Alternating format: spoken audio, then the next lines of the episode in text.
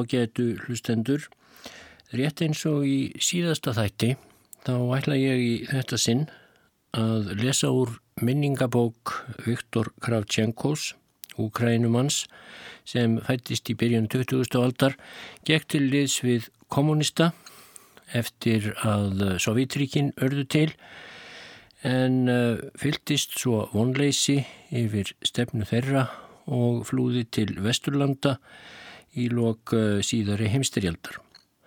Hann skrifaði minningar sínar í bókinni Ég kaus frelsið sem vakti mikla aðtikli á sínum tíma og þá ekki síst kaplarnir um uh, hungursneiðina miklu í Úkrænu sem Sovjetríkin reyndu ákaft að þaga í hel og uh, það var einn mitt úr þeim kaplum sem ég var að lesa í þættinum fyrir viku og tek nú upp þráðin.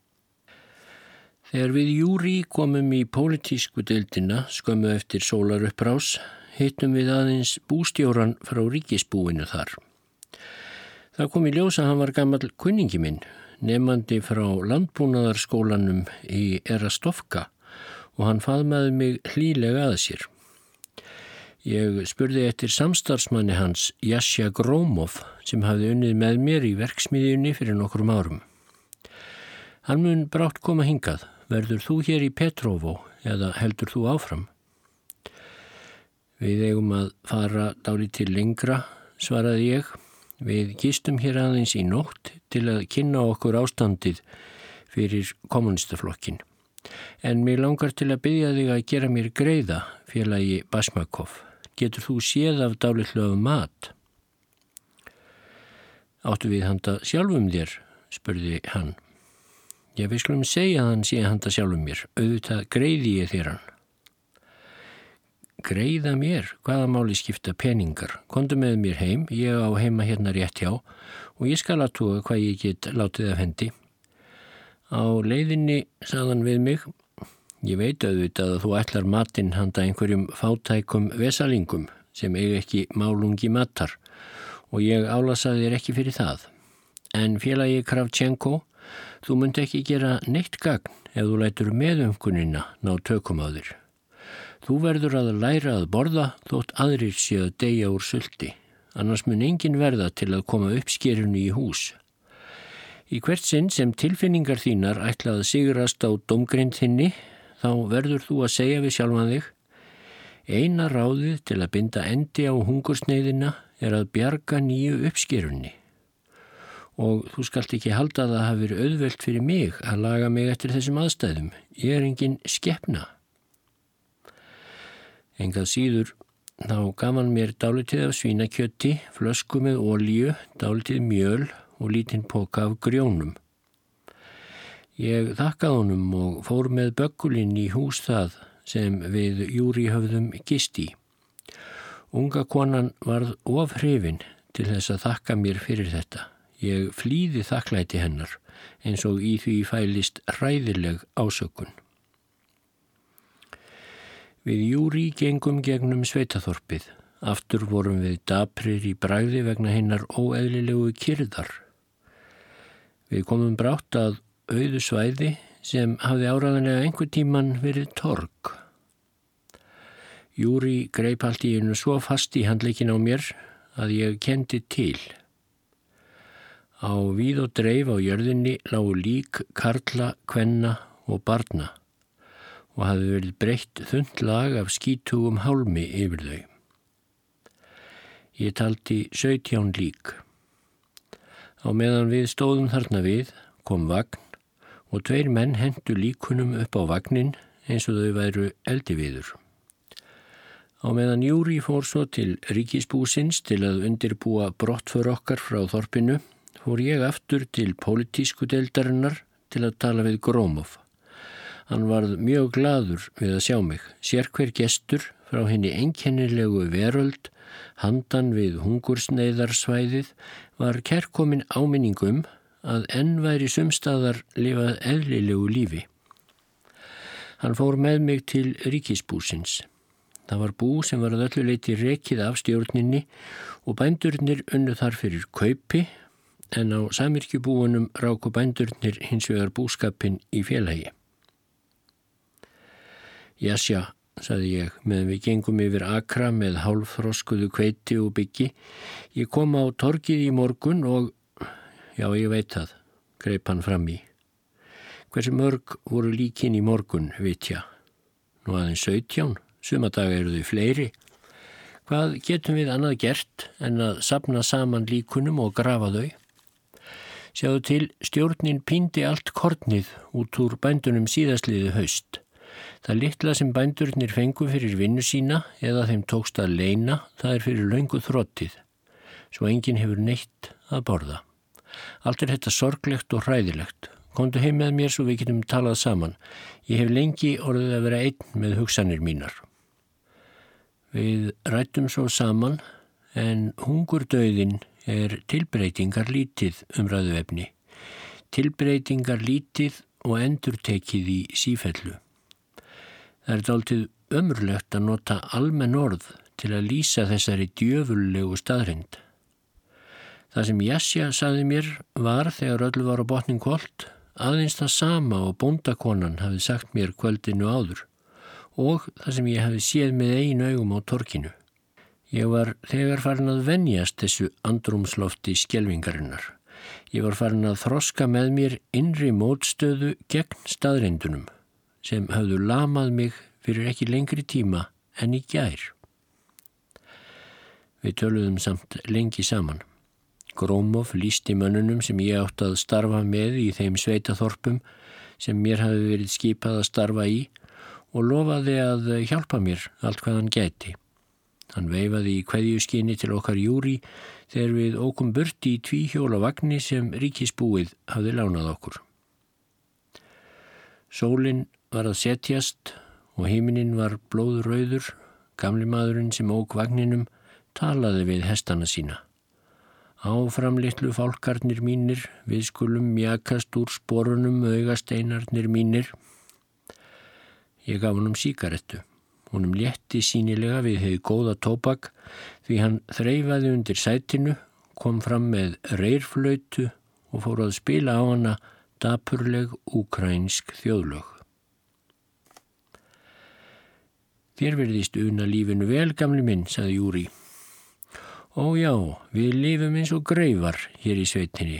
Það eru til einar buksur, handa hverjum tveimur og allir lifa, þanga til þeir deyja.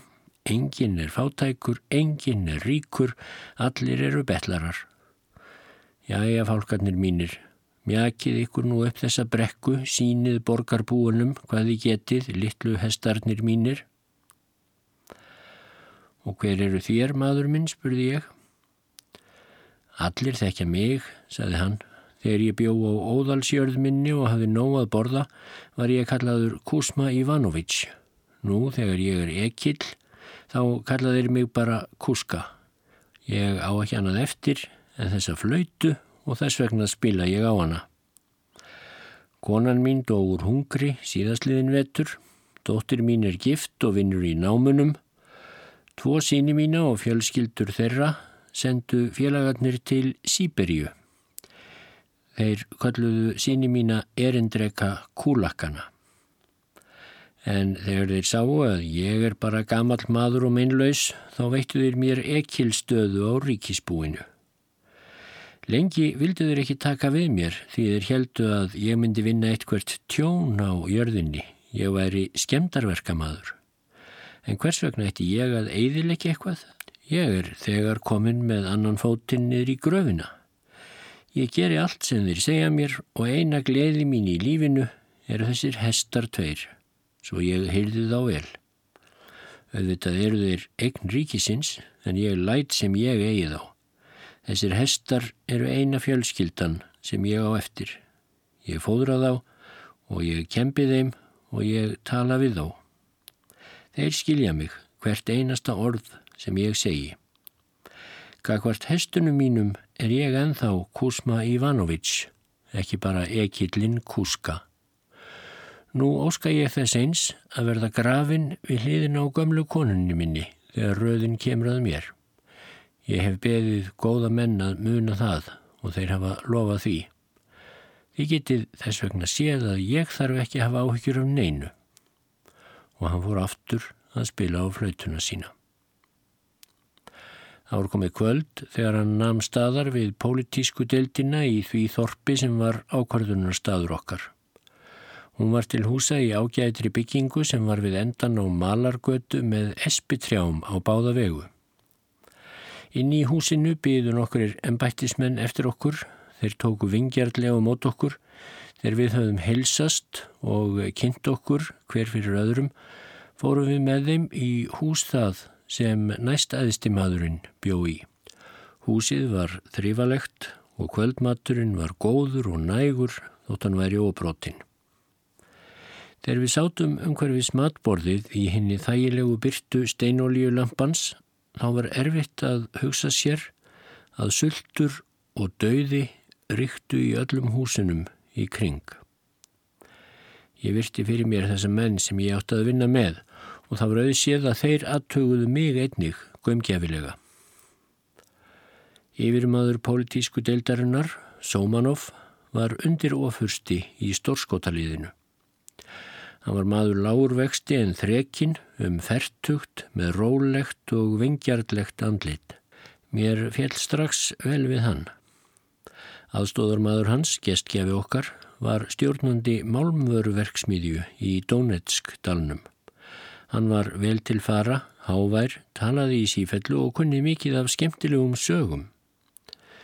Annar aðstóðarmadurinn var ungur leisfóringi úr leinithjónustunni, dökkarður, laglegur piltur sem talaði fátt en hlustaði af aðtikli á aðra. Fjórði meðlimur pólitísku deildarinnar var reytstjóri ættaður úr fæðingar hér aðeins mínu. Við aðtuguðum allir hver annan gömgefilega. Mér tókst að minnast eins og af tilviljun á ýmsa áhrifa ríka vini mína og gæti að vel komið í að að ég væri persónulega kunnugur Sergo Ortsjónikítse ráð þeirra. Þegar ég nefndi nöfnin á kunningum mínum í örgislauruglunni í fæðingarborg minni, rétti hinn ungi liðsfóringi ósjálfrat úr sér og hlustaði af aðtigli. Hvað sem ég kynni að eiga í vendum þarna í þorpinu þá veitti mér ekki af öllu því pólitíska áliti sem ég gæti áinnið mér til að komast óskattaður út úr því. Eftir kvöldmatinn heldum við formlegan viðræðufund. Okkur júri var sagt frá áallununum og við fengum bendingar um hvernig hinn er ímsu ennbættismenn samirkjubúana sem við áttum að bera ábyrð á væru. Sem betur fórvirtist góð spretta í þessu héradi. Hlutverk okkar var að bjarga uppskerunni og sjá um að stjórnin fengi hlut sinn og skertan. Hlutur stjórnarinnar var það ganga fyrir hlut bændana. Útflutningur á korni var ekki síst það sem kostaði hinn að mikla yðinvæðingu sem stjórn Stalins hafði hafið svo flytja varð út korn þótt enginn í Úkrænu hefði neitt að geta. Uppskeran átti að hefjast í síðasta lægi 1. september. Þó að hver okkar um sig hefði umsjón með sérstöku svæði þá kom sameinlega ábyrð okkur til þess að hafa nána samvinnu. Morgun eftir bauð félagi Sómanov mér inn í engaskrifstofu sína. Þér hafið meiri reynslu í landbúnaði en flestir aðrir erindrekar yfirvaldana og það er gott, sagðan. En mér langar til að vara yður við. Þér munuð verða að horfa á geysilegar þjáningar fólksins og þér verðuð að taka ákvarðanir um starfiðar einn og óstuttur. Ég ætla mér ekki þá dul að segiður hvernig þér eigið að hagiður, en þetta langar mig til að segiður, látið ekki hugfallast, þér gerið korki sjálfum yður nýja öðrum nokkurt gagn með því. Gerið það sem þér teljið nöðsynlegt og bergiði niður alla afskiptasemi. Ef þér framkvæmið áallun stjórnarinnar á yðarsvæði þá mun allt verða yður fyrirgefið. Ef ekki, Já, þá þekkjum við allir afleiðingarnar. Ég skal aðstóða yður eftir mætti, formennir á samirkjubúunum og oddviti ráðsins í sveitaþorpinu býða komu yður. Ég óska yður góðrar ferðar. Við Júri vorum innan skamskomnir aftur á ferð.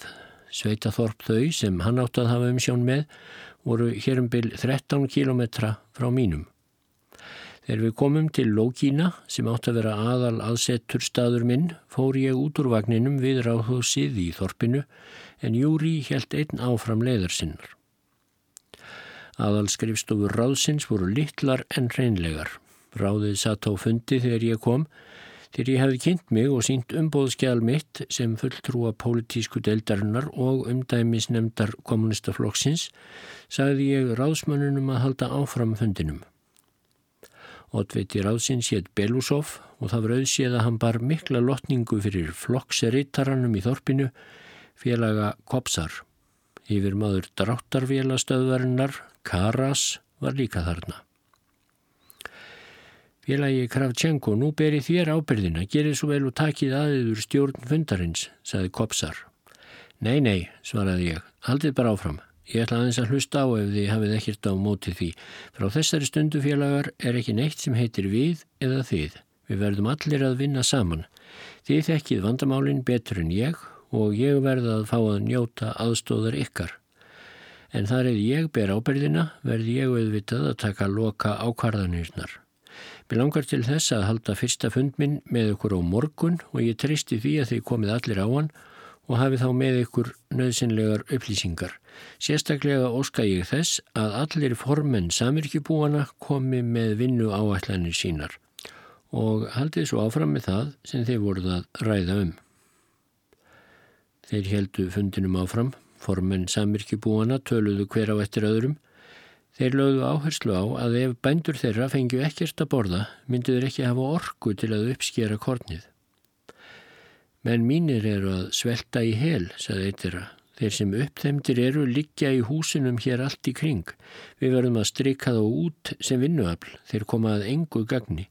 Margir munu heldast úr lestinni eða deyja áður en til uppskerunar kemur. Hvað eigum við þá að taka til bræðs? Belusov og Kopsar svöruðu með almennum orðum og vitnuðu bara til flokks fyrirskipana. Ég hafði það á tilfinningunni að þeir væru rugglaðir, að málinn færu í handaskólum hjá þeim og þeir væri í raun og veru áhuga lausir. Ég saði við sjálfa mig að fyrir virðist verði ég að fremur að treysta á bændurna sjálfa en þessa duglausu embættismenn. Það var ljóstorðið að starfsmenn flokksins og ráðsins voru orðnir of vanir hungursneiðinni og ég er því að sigrast á tilfinningarleysi þeirra ef eh, ég ætti að geta bjargað uppskerunni. Komið heim með mér og gistið hjá mér, saði Belusov þegar fundinum laug. Þér hljótið að vera þreyttur eftir ferðina. Ég held ég geti einhver staðar grafið upp smá tár til að hressiður Það myndi gleðja mig ef þér vildu koma með mér, skaut einn af formunum samirkjubúana inn í. Ég heiti Tjadæ. Ég hef fátt í heimili og þér getið fengið herbergi til afnota fyrir yður einan. Ég ákvað strax að taka bóði Tjadæs. Mér fannst að því nær sem ég væri samirkjubúnum því betra. Ég kvattið á alla með handabandi og fór með Tjadæ sem var látlaus, gáfaður, miðaldra maður og kom mér vel fyrir sjónir. Formaður annars samirkjubús, Demtjenko, varð okkur samferða. Já félagar, saði ég brosandi þegar við komum til búsins. Við skulum líta á út í húsin fyrst, það hefur mér veðið kent. Áður en þú ferða hátta, var afi gamli í Aleksandrovsk vanur að segja, gættu þá að því að hugsað hafi verið um kýrnar og hestana. Þér eruð af bændakinni, spurði Demtjenko. Ekki beinlínis, félagi Demtjenko, svaraði ég, en ég hef lengi verið í sveit. Við ljósið frá ljóskerinu sá ég að hestarnir stóðu við stallin í hesthúsinu en höfðu ekkert fóður. Auk þess var hesthúsið ekki sérlega þrifalegt. Óþokkin sem varna hrópaði Tjadæ með uppgerðar vandlætingu Nú hefur hann aftur svikist um að reynsa til í hesthúsinu. Sá skal fá að kenna á því á morgun. Ég veit ekki hver átti að vinna þetta verk, saði ég, en eftir minni skoðun þá ættu þér heldur að láta sjálfaniður kenna á því. Þér eruð formaður og ef eitthvað fyrir aflaga þá er það yður að kenna. Við það er átt með orðinu stjórn. Þér hafið áraðanlega rétt fyrir yður, játaði tjadæ stillilega, en það er nú ekki svo auðvelt. Þegar menn eru svangir þá geta þeir ekki unnið þeir get ekki haft hugan við verkið. Nei, einmitt, samþykti Demchenko. Það er ekki svo auðvelt. Jæja, góða nótt, við sjáumst á morgun. Þegar ég kom inn í húsið hitti ég konur, tjadæs og börn. Þótt þau væru öll mögur og vísin, þá var auðséð að ástandið hjá þeim var ekki eins slemt og hjá flestum bændum. Félagi Tjadei segir mér ekki þá sem ofinbyr ennbættismadur heldur í trúnaði hvernig fólkinu líður hérna, saði ég. Hvaða áallanir hafi þér gert um uppskeruna? Hvernig er ástand vélana? Leinið mig engu, verið hreinskilin við mig því þegar öllur á botnin kvöld höfum við þarna sameinlegra hagsmuna að geta. Tjadæ veldi vöngum. Ég veit ekkert hver ég á að byrja, félagi Kravchenko. Sprettan er ekkert slæm, Vélarnar eru í lagi þó skortur sé á sumum varalhutum en án þeirra getum við ekkert gert. Búið þá til skráhanda mér um þá varalhuti sem vantar og ég skal senda hana til politísku deildarinnar í Petrovó. Ég þakkaður fyrir, saði Tjadæ, það kemur sér vel. Annað sem er ílt í efni með eru hestarnir. Við höfum ekkert fóður handaðum. Ef við aðeins getum fengið dáltið af höfrum, auðvitað getum við slegið dáltið af nýja korninu en það er jú stránglega bannað. Ef við er álítið að engin önnur úrræði séu fyrir hendi þá gerum við það, hvort sem það er bannað eða ekki, saði ég. Ég tek á mig alla ábyrðin af því. Það skal verða fyrsta verkið sem við vinnum á morgun. Hvað getum við gert án hesta og ef við höfum enga havra þá munum við brátt ekki eiga neina hesta. En eh, ég hrettur um að Belusov og Koptsar samþykki það aldrei, saði Tjata í viðvörunarskinni. Ég skal sjá um þá, saði ég ákveðin. Eh, síðast en ekki síst félagi Kravchenko, saði Tjatai, þá er fólkið sjálft. Það deyr eins og flugur eða það er ofum áttuana og uppþemt til að geta hreift sig. Svo hver á að uppskera kornið? Ég þrábað ráðið um að lána okkur dálitið af korni svo fólkið hefði að geta og geti sapnað orku. Að lokum senduðir okkur 13 pút. En ég er korki Móses nýja Jésús og ég get ekki mettað þúsundur manna með 13 pút. Ég segi þurr félagi Ég hef séð blóð og dauða þegar ég var hermaður en ég hef aldrei séð neitt eins hræðilegt og það sem er að gerast hér í þorpinu mínu. Því næstu horðan beint í augum mér, vonar nesti braust í gegnum dapurleika hans. Félagi fulltrúi, ef þér viljið fá kornið upp skorið þá verður þér fyrst að bjarga þessu fólki frá hungurdauða. Þess afber ég ekki lengur að sjá alla þessa eimt. Ég get bókstaflega ekki þólaða lengur. Ég get ekki lofaðið neinu, félagi tjadæ, saði ég, öðru en að reyna. Á morgun skulum við fara að snemma á fættur og ganga hús úr húsi. Ég vil sjá allt með eigin augum áður en ég ákveð hvað gera skuli. Nú, Það sem ég sá þennan morgun þegar ég gekk hús úr húsi með tjata í, það var svo hræðilegt að ómögulegt er að lýsa því. Á výgvellinum degja menn flestir fljótt. Þeir berjast sjálfur og ábyrðartilfinningin og félagsnegðin styrkja þá. Hér sá ég menna degja innmanna, hægt og hægt, degja ógeðislega, án þeirrar afsökunnar að þeir væri að fórna sér fyrir málstað eða eitthvað þýjumlíkt. Þetta fólk hafði verið veitt í gildru og var ofurselt hungursnöðunum. Hver á sínu heimili með pólitískri ákverðun sem tekinn hafði verið í fjarlægri höfuðborg umhverfis fundarborð og veistluborð. Þetta fólk hafði ekki einu sinni þá huggun sem fælst í því óumflíjanlega til þess að draga úr hörmungunum. Ræðilegast var að sjá litlu börnin með útlimi eins og beinagrindur sem hengu frá útblásnum kropp. Sulturinn hafði máð allan æskusvip af andlitum þeirra og breytt þeim í skjelvilegar grímur. Aðeins í augum þeirra var enþá svipur sem myndi á að þau varu börn. Allstaðar rákumst við á menn og konur sem lágu með bólkin andlit upp þemda kviði og algjörlega tjáningarlaus augu. Við drápum á dyr á húsi einu en enginn svaraði. Við börðum aftur.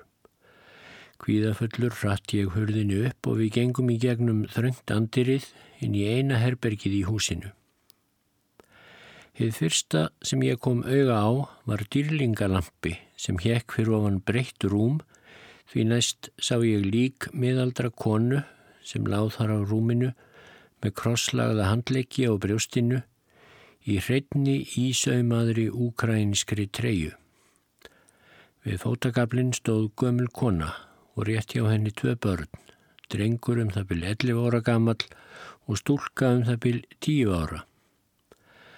Börnin grétu hljóðlega og endur tóku í sífellu tilbreytingar löst Mamma, elsku mamma.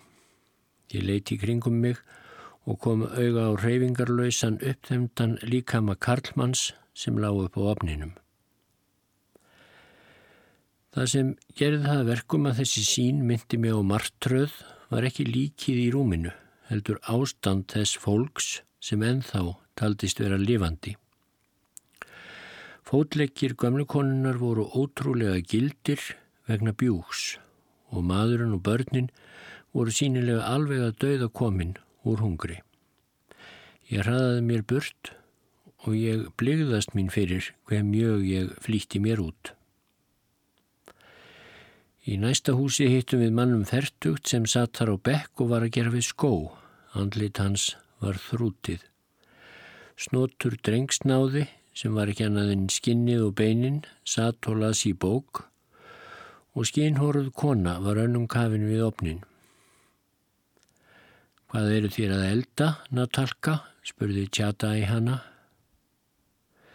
Þér vitið hvað ég er að elda, svarað hún og það var heftarleg grimd í röttenar. Tjata í tógaði í ermin á mér og við gengum út. Hvers vegna var hún svona reið, spurði ég. Vegna þess, ég fyrirverði mig fyrir að segja þurr það, Viktor Andreevits, hún var að sjóða hrossaskít og arfa. Mér dætt fyrst í huga að snúa aftur til húsins og láta þetta ekki viðgangast. En Tjadai aftræði mér. Ég byrðiður að gera það ekki, er það ekki tilfinningar manna þegar þeir eru að deyja úr hungri. Hún geti drepið yður í örvæntingu sinni ef þeir tækjuð afinnið það sem hún hafði í pottinum. Þegar við vorum búinir að koma á tilt heimila og ástandið var allstaðar eins, þá let ég undan þrá beðinni tjadæs og hætti eftirlitsförinni. Það er allstaðar eins, nú vitið þér nóg, sagðan. Mér var ljóst hvað ég ætti að gera. Ástandið var allt of ömurlegt til að nokkurt hálfkák digði. Ég ætlaði ekki að taka tillit til laga og fyrirskipana, hvaða afleiðingar sem það kynnið hafa fyrir sjálfan mig. Ef mér tækist ekki að koma að þessum bændum til helsu aftur, þá myndi allt vera glattað. Þegar ég kom aftur til heimilis Tjadæs skrifaði ég bref til félaga Somanovs yfirmanns politísku deildarinnar og sendi það með sérstökum boðbera. Um kvöldið kom boðberin aftur með svarið. Mér er alveg ljóst hvernig ástandið er, svaraði Sómanov. Ég byrðiður alvarlega um að hugsa málið betur og aðtoga allar aðstæður. Það sem þér stingið upp á er alvarlegt brot á fyrirskipunum okkar. En ef þér sjáuð engin önnur úræði þá verður þér að gera það sem þér teljiðu nöðsynlegt. Ég skal reyna að hafa upp á einhverju korni handa yður en ég hef reyndar litla vonum að það takist. Ég var ánaður með þetta svar. Hann neytaði að minnst að kosti ekki. Það sem ég hefði stungið upp á var að uppskera dálitið af höfrum til að fóðra hestana og slá dálitið af byggi á jöðurum akrana handa íbúinum. Slík uppskera fyrir tíman hafði verið nefnd í Ísvestia, málgagni kommunistastjórnarinnar sem lág fyrir framann mig, sem þjófnaður ríkisegna, skemdarverk stórbænda og annaði þeim dúr. Bændur voru teknir höndum og reknir í útlegð fyrir þess konar glæpi. Á hínu samirkjubúinu sem ég heimsótti var ástandið að mestuleiti heið sama. Sumir bændana áttu enn kýr en þeir eruðu að skila allri mjölk til ríkisrjóma búsins. Jafnvel fólkið sem enn var á ferli var mátt lítið, sílalegt og örvæntingarfullt. Ég bað Tjadæ og Demtjenko um að ná í kennarana tvo við Þorpskólan, læknin sem var kona og nokkrar greindustu og duglegustu stúlkurnar frá samirkibúnum. Jáframt gerði ég bóð eftir Belusov, Kopsar og Karas. Þegar þau voru öll saman kominn sáttu þau eftirvendingar full og veltu því fyrir sér hvaða töfrabröð ég ætlaði nú að leika. Sum þeirra enganlega Kopsar gátt ekki lind vantrúsinni. Félagar Ég hef beðið ykkur um að koma hingað enganlega konurnar og ég mál mitt að því ég þarna stráða ykkar. Það gleður mig að oddviti ráðsins flokksrittarinn og stjórnandi dráttarvélastöðvarinnar eru hér líka viðstattir. Ég hef gengið hús úr húsi og þekki ástandið. Það sem mér þykir hræðilegast er ástand barnana. Hvernig er hægt að ætlast til þess að fólk vinni þegar börnin þess er að deyja úr hungri heima? Tjadæ segir mér að nokkur hús í þorpinu standi auð. Fyrir ætlun mín er því þessi, ég ætla að byggja ykkur konurnar að taka til í þeim, þvó þau vandlega og gera þau íbúðarhæf. Við skulum byrja á börnunum. Þau eiga að dveljast í þessum húsum þanga til uppskerinu er lokið. Sapnið þeim saman, klippið hárðeira, baðið þau og bólusettið þau gegn taugaveiki. Ég veit læknir að þér hafið nöðsynleg lif til þess setjiði nokkur borð upp í görðum þessara húsa og útvegið stóra kalla til að sjóða mati. Eru þið fús til að rétta hjálparhönd? Já, víst eru við það, rópaði einn konan, en hvaðan ætli þér eiginlega að fá mat? Það ætla ég að segja ykkur setna, svaraði ég. Fyrst ætla ég að spyrja ykkur hvern þið álítið áræðanlega stand til að hafa eftirlit með börnunum af ykkar hálfu. Konunenko rópaði nokkur, Ívan Petrovic, Kononenko, kennaran. Ívan Petrovic, ég snýri mér til gamla mannsins þegar mér var vísað á hann, þar sem fólk treystir yður, þá ætla ég líka að gera það. Þér hafið hér með fengið það verkefni að stjórna málumnum barnana. Fáið yður aðstóð og þér getið öruglega treysta á hjálp mína. Ef einhver reynir að skipta sér af málumnum yðar, þá segið mér frá því. Ég er óðfús til starfa, saði gamli maðurinn, og því skildi ég ekki vera það. Þetta er mitt fólk. Ef þér aðeins sjáuðum mat, þá skal ég sjá um allt annað. Rött hans var grátt klökk. Þakkuður fyrir Ivan Petrovic. Byrjið að starfa og gerir ráð fyrir því að maturinn komi. Ég lofa því hátilega.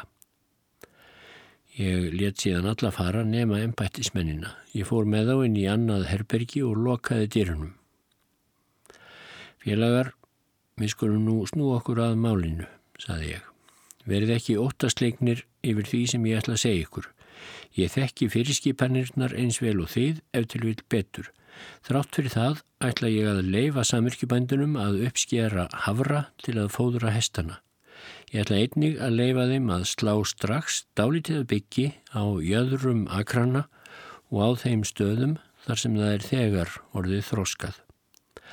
Byrjið þreskinguna þegar í stað og þreskið nægilega mikið til þess að afhenda hverju fjölskyldu 1 kíló af grjónum á dag. Og aukið skamtinn hægt þannig að fólkið verði orðið nægilega hraust til að vinna þegar uppskeru tíminn byrjar. Látið Ívan Petrovic fá svo mikið af hinnu nýja byggi að hann geti séð um börnin. Ég lefi ykkur einnig að slátra nægilega miklu af svínum samirkjubúana til að þeir geti látið börnin fá dálítið af kjöti og feiti með bygggrjónunum. Og meðan ég var að tala kom evasemdar svipur á andleit embættismannana sem fljótt breyttist í skjelvingarsveip. Augu þeirra sögðu greinilegar en nokkur orð er maðurinn orðin vittlaus, ætlar hann að láta skjóta okkur alla og sjálfan sig líka. En félagi Kravtjenko, byrjaði Koptsar, hér er ekkert til sem heitir enn, greip ég fram í. Geri það sem ég segi, ég tek á mig alla ábyrð. En það er skilda mín að tilkynna politísku deildinni, þetta, rópaði Belusov og stóð upp. Nei, félagi Belusov, saði yfirmaður dráttarvila stöðvarinnar mér til hjálpar. Eh, þetta er skakt hjá yður. Ef hinn löggildi fulltrúi umdæmis nefndar kommunistaflokksins gefur einhverjar fyrirskipanir, þá veit hann hvað hann gerir og okkar er bara að þeia.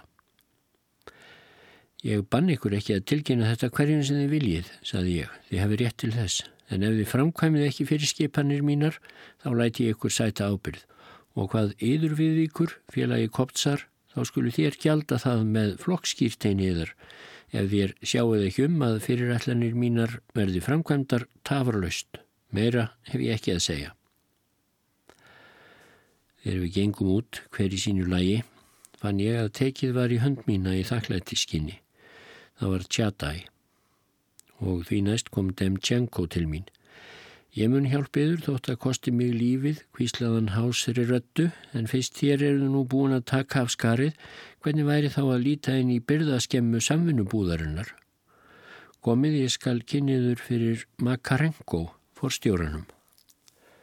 Versluninn var óhrein og vanhyrt. Hillunar voru tómar að öðruleitin því að í þeim voru gifslíkon af Stalin og hlaðar af steinprentuðu myndum af Stalin og öðrum leðtógum. Makarenko var þýlindur, smávaksinn maður, feimin og ísmegilegur. Ég sagði honum í stuttum áli frá ákvörðun minni um að sjá um mat handa börnunum og baði hann um að hjálpa mér. Ég veit að þér hafið falið eitthvað af matvælum. Þér verðið að aðfenda þau nú þegar. Jafn skjótt og uppskerran er komin í hús skuli þér fá þau endurgreiti í kortni og engin mun býða neitt tjón. Littli maðurinn varð óttaslegin. Hann var á báðum áttum um það hvort hann ætti heldur að hlýða fyrirskipunum yfirbóðara sinna eða eiga á það á hættu að móðga mig sem umbóðsmann flokksins. Já félagi, ég ádálítið af salti, síkri, hér um byrj tíu pút af grjónum, dálitið af reyktum fiski og eitthvað lítilsáttar af sápu. Ef forstjórar samirkjubúana undir skrifa lofordum að borga það með korni og hegi þegar framlýða stundir, þá fælst ég á að láta það af hendi. En fyrst verði ég að fá leifi frá umbóðskrifstofunni. Ég mun því svariður á morgun, en mér langar til að gefiður gott ráð, hvers vegna ekki að reyna að fá eitthvað frá rjómabúinu. Hvað er í þér við? Þann á við staðin þar sem við afhendum alla mjölkinu okkar, saði Demtjenko til skýringar, þar framleiða þeir smjör til útflutningsúrunni, til útflutnings. Já, félagi Kravtjenko, það er flutt til útlanda, þar sett í umbúðir með óskiljanlegum erlendum orðum á, sjá þeir til sulturinn hér heima og verslunin við útland eru sitt hvað. Já, já, vísið mér leiðina, Rjómabúið lág fyrir utan þorpið. Stjórnandi þess var flokksmaður, vingjartlegur en mjög vansæl. Hann gekk með mér og síndi mér bygginguna. Í einu herbergjana var smjörið skorið í töblur og sett í umbúðir með enskri áleitrun. Made in USSR, Butter Export. Ég veit að bændurnir svelta, saði Rjómabús forstjórin. Hugsunin um að þetta smjör sé getið af velöldum útlendingum stingur mig eins og rýtingur. En hvað á ég að gera? Ég hef mínar fyrirskipanir. Þetta verður að flytja úr landi. Ég er langt á eittir áallun og mér verður vafalöst refsað. Bændurnir stela mjölkinni, þeir get ekki annað, annars svelta þeir, en kýtnar mjölka lítið vegna þess að þær fá ekki næjanlegt fóður. Þér verðið að hjálpa mér þrátt fyrir þetta allt saman, saði ég. Börnin verða að fá mat. Það hljóta að vera einhverjar auka afurður við smjörgerðina sem við getum notað. Það er hægara sagt en gert, saði hann.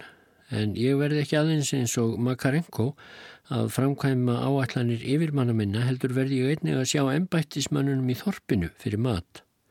Þeir fá allir, Kopsar, Belusov og hinn er mörgu starfsmenn þeirra. Þeir fá allir mjölk og smjör frá mér. En frá deginum í dag á að afhenda allar áfyr til barnaheimilsins, sagði ég. Ég er fúst til að gera það, sagði hann, að því tilskildu að yfirmenn mínir leifið það.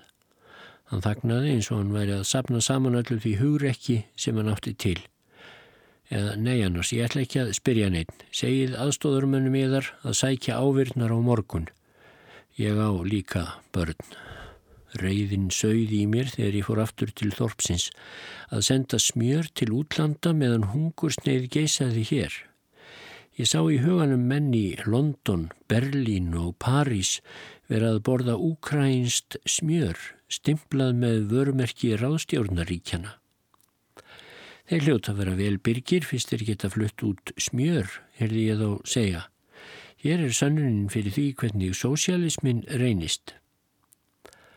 Þegar ég óg gegnum akrana heyrði ég engan af hennum fallegu úkrænsku söngum sem mér þótti svo vendum að heyra á fyrráttíð. Nú hafði þetta fólk glimt að syngja. Ég heyrði aðeins stunur hinn að degjandi og kjams hinn að feitu útlendinga sem gobluðu í sig smjörið okkar. Þegar ég kom svo að ökrum samirkibúana sá ég að verið var að slá hafra og bygg eins og ég hafði fyrirskipað. Í sveitaþorpunum hafði mörg hundruð börnum verið sapnað saman í gardana og þar var verið að þóðau og snirta. Ívan Gamli Petrovic stjórnaði verkinu og hafði um það vil 20 menn og konur sér til aðstóðar. Kona Tjadæs, sem ég bjó hjá, var meðal kvennanna sem voru önnum kapnar við að kvít þó húsin. Beiskar hugsanir mínar viku fyrir ástinni á þessu óbrotna fólki. Ég hefði séð að sár gramt undir svipum og bissum, nú sá ég að ákaft og fornfúst vinna saman á þess að nokkrar hótanir væru hafðar í frammi. Á meðan við sátum við kvöldverðarborðið kom hestasveitn til að segja Tjadæ að einn af hestunum hafi verið að drepast. Tjadæ skipaði honum að flá hestin og akka ræginu langt út fyrir bæin, hella steinolju á það og þekja það með óleskjuðu kalki. Hann skýrði fyrir mér að hann gerði þessa ráðstafanir til þess að svangt fólk úr þorpinu legði sér ekki hið skemta rossakjött til munns. Setna komu skólakennarin og læknirinn og hvaðu starf sitt ganga vel. Nýslegna byggið væri þurkað á opni og á morgun myndu börnin fá fyrstu góðu máltíðina. Nokkrum svínum hafi verið slátrað. Við höfum heyrt um ávirðnar, saði Ívan Petrovic, en það er ekki nóg. Sum börnin eru svo aðfram komin. Við verðum að fá dálitið af alvöru mjölk. Ég hugsaði mig um andartak. Ég var þegar sokkin svo djúft í brota og fyrirskipunum og kúlakka skemdarverk að ég gæti eins vel haldið áfram. Tja dæs að ég, ég skipiður hér með sem ofnber starfsmæður í viðurvist þessara vittna að aðfenda ekki meiri mjölk til þeirra ennbættismanna sem eh, til þessa hafa fengið hana og að halda eftir þriðja hluta af allir í framleiðislunni handa barnaheimilinu. Segið dem Tjenko að sama regla gildi um samirkibú hans. Þegar ég var hátaður um kvöldið hugsaði ég um þessa nýju sérrettindastjetti í Sveitaþorpinu, starfsmenn flokksins og ráðsins sem fengum mjölk og smjör og aðra matvöru frá kaufélagsbúðinni á meðan allir í kringum þá sultu. Þeir hlýttu í undirgefni öllum fyrir skipunum stjórnarinnar á þess að láta sig nokkru varða þjáningar almennings. Það var ræðilegt að sjá hvernig sérréttindin verkuðu á skapgerðina. Þessi menn sem voru sjálfur fyrir fáum árum, fátækir bændur, höfðu þegar glatað allri samúð með nágrannum sínum. Nú voru þeir orðin sérstök stjett, yfirstjett og mynduðu sérstakka klíku til að styðja hver annan gegn almenningi. Næsta morgun fór ég í eftirlitsferð til fólksins sem vannaði uppskerunni, þeirra sem voru að þreskja og þeirra sem stjórnuðu kornhreinsunnar vélunum. Varahlutir þeir sem ég hefði pantað voru komnir og menn unnu að viðgerðum. Einn af stjórnarmeðlimum Samirkibúsins var að segja mér frá áhyggjum sínum þegar einn af bændunum fór til hans og kvíslaði einhverju aðunum. Talaðu hátt svo fulltrúin geti heyrt til þín, saði stjórnar meðlimurinn. Já, félagi fulltrúi. Það sem ég var að segja var að í gæri drafst hestur. Húðin var flegin af honum og steinóli og óleskjuðu kalki var held yfir hræið en í morgun þegar átt að fara að grafa það þá var það horfið. Öllu þessu síkta og skemta kjöti hefur verið stólið í nótt. Við minn góður, hvað eigum við eftir að fá að reyna, félagi? En nú leiða þeim tíma þegar uppskeran skildi hefjast.